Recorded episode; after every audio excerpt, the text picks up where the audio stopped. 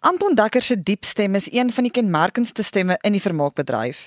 Hy kuier vandag by Marula Media in die ateljee.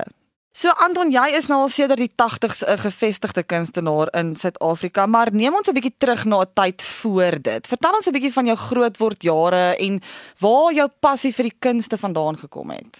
Ek het maar in 'n gewone huishouding groot geword waar my ma 'n redelike groot invloed geweest wat wat sy het ons as kinders teater toe gevat om mee te begin.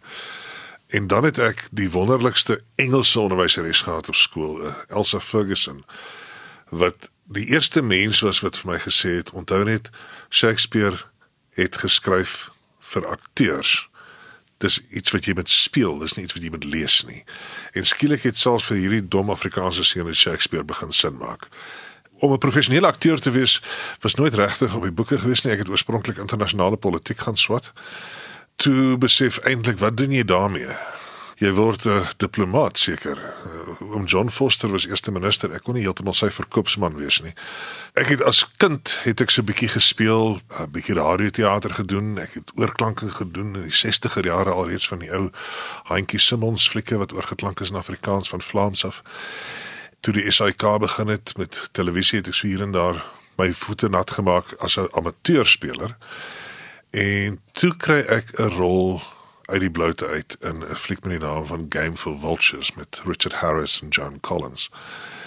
En skielik het ek besef ek hou nogal van wat ek hier doen, maar ek het geen begrip van wat ek doen nie. Ek het geen tegniek nie. Ek weet nie waaroor dit gaan nie. Ek weet nie wat om te doen nie.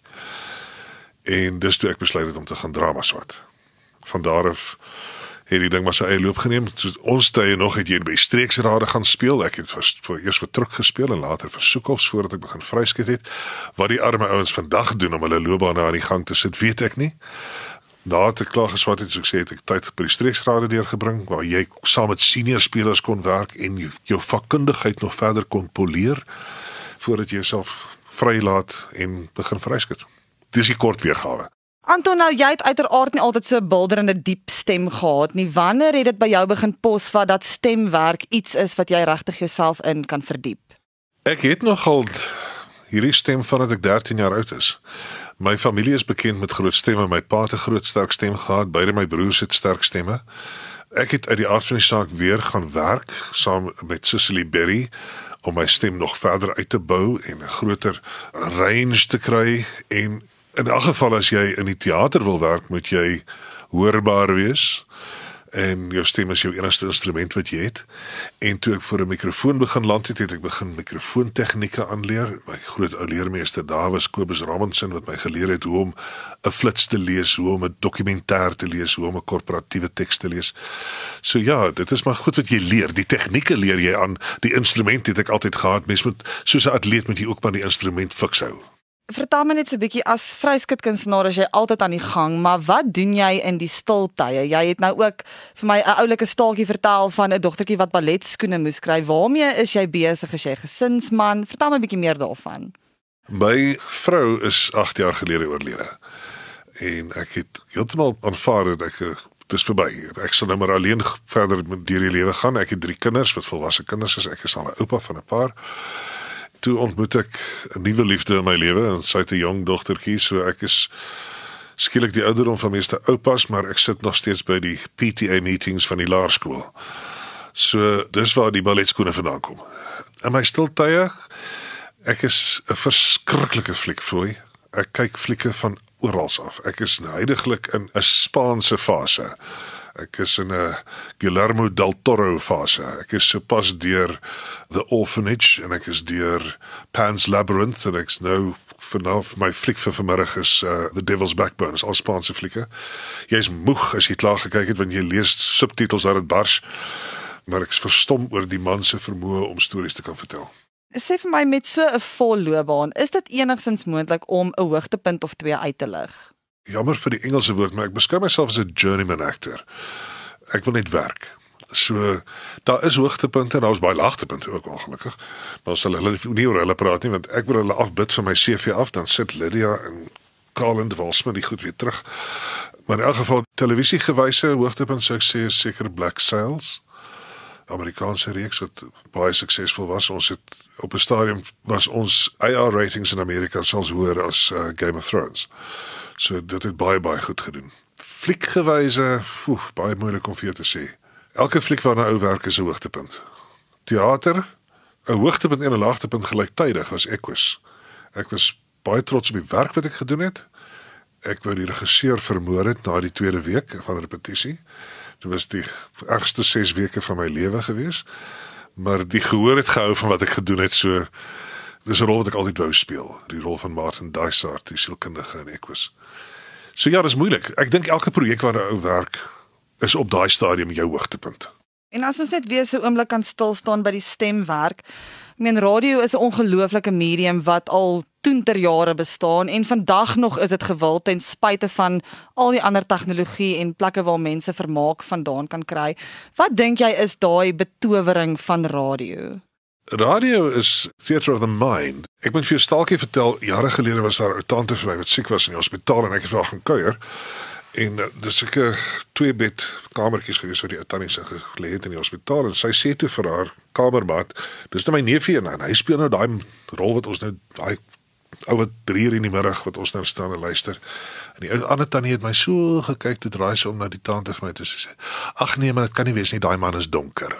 Nou dit sê vir jou presies hoe wonderlik radio is. Sy het so perfekte prentjie in haar kop gehad van hierdie mediterrane man dat toe hierdie ou met sy lang blonde hare daar instap, toe sit net nee man, hy's donker, hy's 'n skraal donker man, hierdie ou vet blonde ou kan nie hy wees nie. Dis die een ding van radio en die ander ding van radio is jy kan met radio kan jy gehoor in enige rigting vat. Dit jy het nie spesiale effekte nodig. Jy het nie duur effekte nodig om mense op 'n wonderlike reis te vat. Jy kan elke emosie van die menslike ervaring wakker maak deur net met mense te praat en hulle sal die res in hulle koppe doen. Dis wat radio wonderlik maak.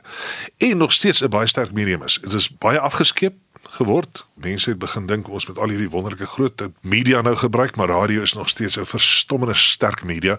Onthou, almal het 'n radio aan in die kar by die huis. Almal het altyd 'n radio aan.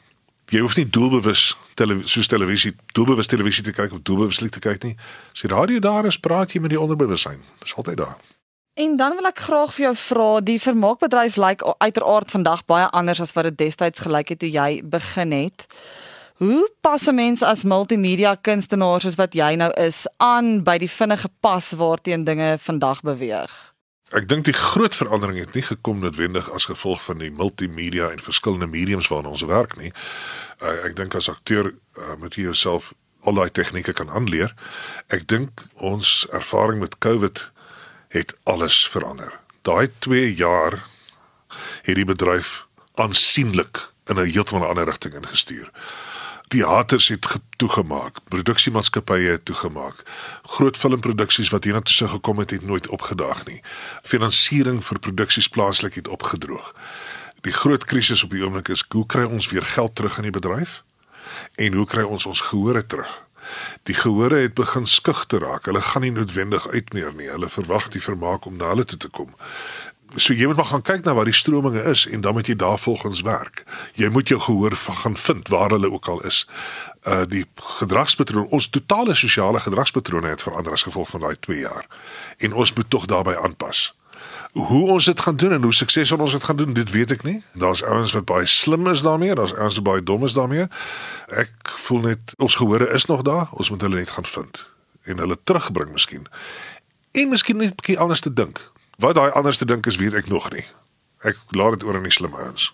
Anton, miskien kan jy sommer net laastens vir my sê, uiteraard is daar baie jong mense wat graag vryskut kunstenaars wil wees. Dalk het jy net een stukkie raad of twee stukkies raad vir jong mense wat graag hulle voete as vryskut kunstenaars wil vind. As jy 'n akteur wil word, moet jy dit vir die regte rede doen.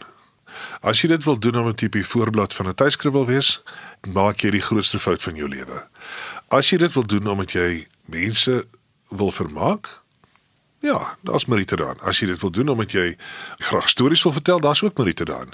Maar die enigste rede hoekom jy 'n akteur wil wees, moet wees omdat jy wil karakter skep.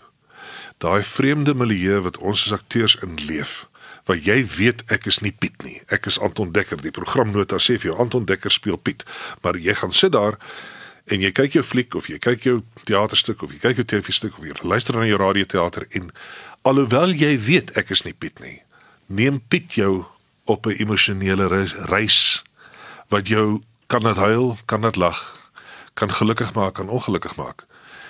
En deur daai karakterskepping, dis waar die kuns lê. Om karakters te skep wat werklik is vir die gehoor. Alhoewel die gehoor weet jy's nie Piet nie, glo hulle jy's Piet vir daai uur en 'n half. As dit is wat jy wil doen, sal jy sukses behaal.